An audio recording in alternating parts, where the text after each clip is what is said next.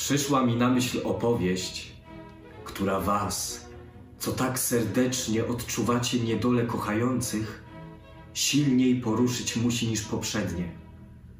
Jako, że znaczniejsze były osoby, o które w niej idzie, i okrutniejszy dostał się im los. Wiedzcie tedy, że dawnymi czasy żyło w Prowansji dwóch rycerzy, posiadających wasali i zamki. Jednego z nich zwano Wilhelmem z Roussillon, drugiego Wilhelmem z Cabestani. Ci dzielni rycerze, jako równie waleczni w boju, w ścisłej przyjaźni żyli. Na wszystkie turnieje i orężne zawody zjawiali się razem, jednako odziani i z jednaką na tarczy dewizą. Zamki ich o dziesięć mil od siebie oddalone były. Wilhelm z Roussillon posiadał wielce urodziwą żonę.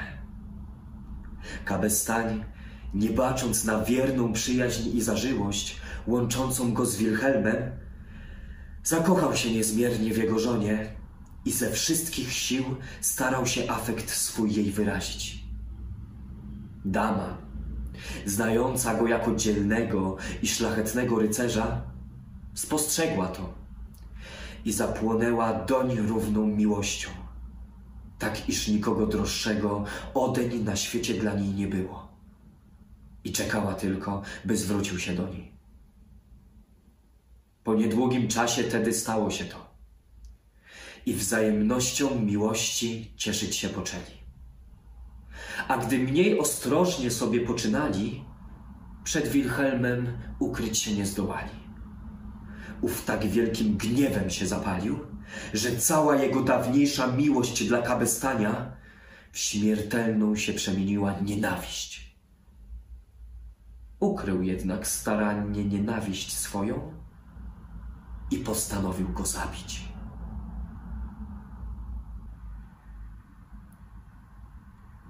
Gdy tedy Roussillon takie zamysły w duszy piastował, zdarzyło się, że wielki turniej we Francji obwołany został. Wilhelm natychmiast uwiadomił o tym Kabestania i kazał mu powiedzieć, że jeśli chce, niechaj przyjeżdża do niego, a wówczas naradzą się, czy i w jaki sposób na turniej się udać. Kabestań odpowiedział z radością – że następnego dnia przybędzie niechybnie na wieczerze do zamku przyjaciela. Roussillon postanowił wówczas zamysły swoje w czyn wcielić. Uzbroił się, wsiadł na konia i w towarzystwie dobranych sług swoich podążył na miejsce oddalone od jego zamku może o mile drogi. Tam ukrył się w lesie koło drogi, którą miał przejeżdżać Kabestanie. Poczekawszy kęs czasu, ujrzał kabestania nadjeżdżającego bez broni i z dwoma bezbronnymi sługami. Widać było, że niczego nie podejrzewa ani nie obawia się.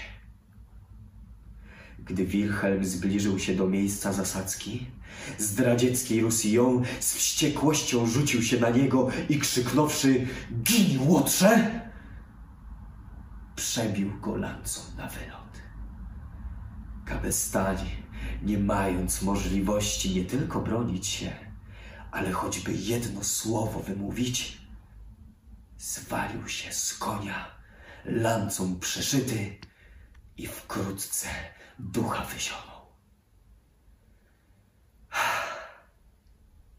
Słudzy jego nie starając się nawet dowiedzieć, kto był mordercą ich pana. Zawrócili konie i czym prędzej pomknęli do zamku z powrotem. Roussillon zsiadł z rumaka, otworzył nożem pierś kabestania i własnymi rękoma serce mu z piersi wyrwał.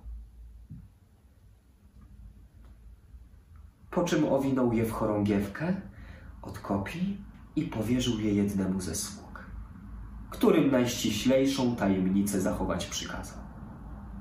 Po chwili wsiadł na konia i późną nocą do domu powrócił. Żona jego, wiedząc, że Kabestań ma przybyć na wieczerze, czekała nań z niecierpliwością.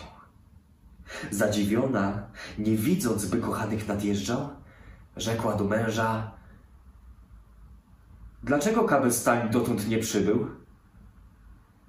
Dał mi znać, że przed jutrem przybyć do nas nie może, odparł Wilhelm.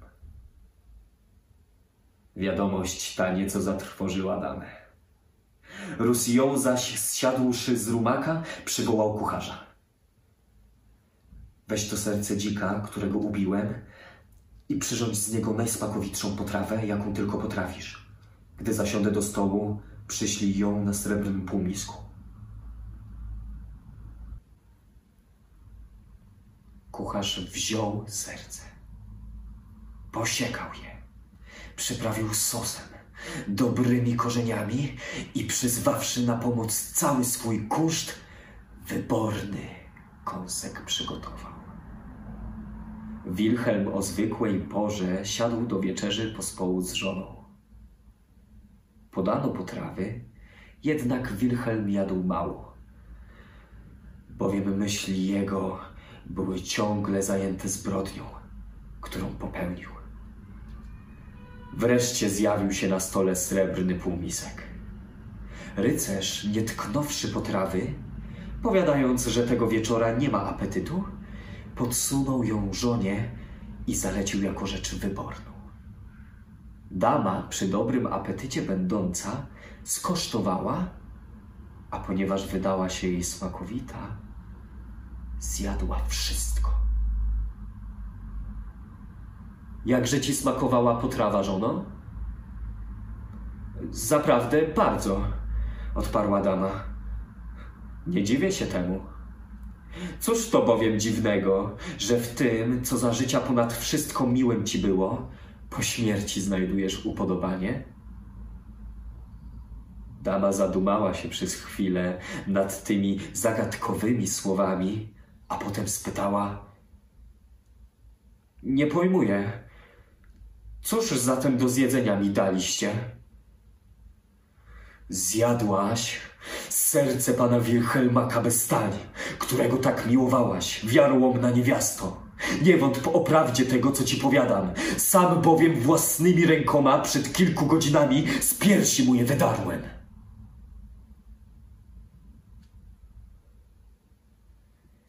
Nie trzeba mówić nawet, jaka była rozpacz damy, gdy usłyszała straszną wieść o człeku, którego ze wszystkich sił miłowała.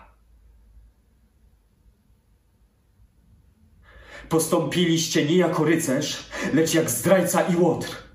Kabestan mnie nie niewolił, jeśli uczyniłam go panem mego serca i przez to ujmę ci uczyniłam, to mnie, a nie jego, kara za to dosięgnąć była powinna. Bóg nie zwoli jednak, abym inny pokarm kiedykolwiek do ust wziąć miała, po spożyciu tak szlachetnej potrawy, jak serce pana Wilhelma Kabestani, rycerza nieporównanej dzielności i dworności. To rzekłszy, wstała od stołu, podeszła do okna, które było za nią i nie zastanawiając się chwili,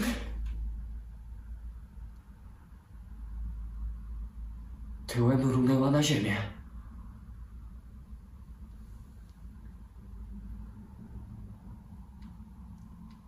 Okno to tak wysoko nad ziemią się znajdowało, że dama nie tylko zabiła się, ale i całkiem pogruchotała.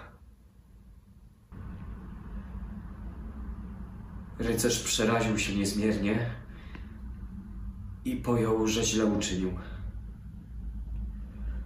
Obawiając się zemsty ludu i hrabiego Prowansji, kazał osiodłać rumaka i w świat wyruszył. Nazajutrz rano wieść o smutnym zdarzeniu rozniosła się po całej okolicy.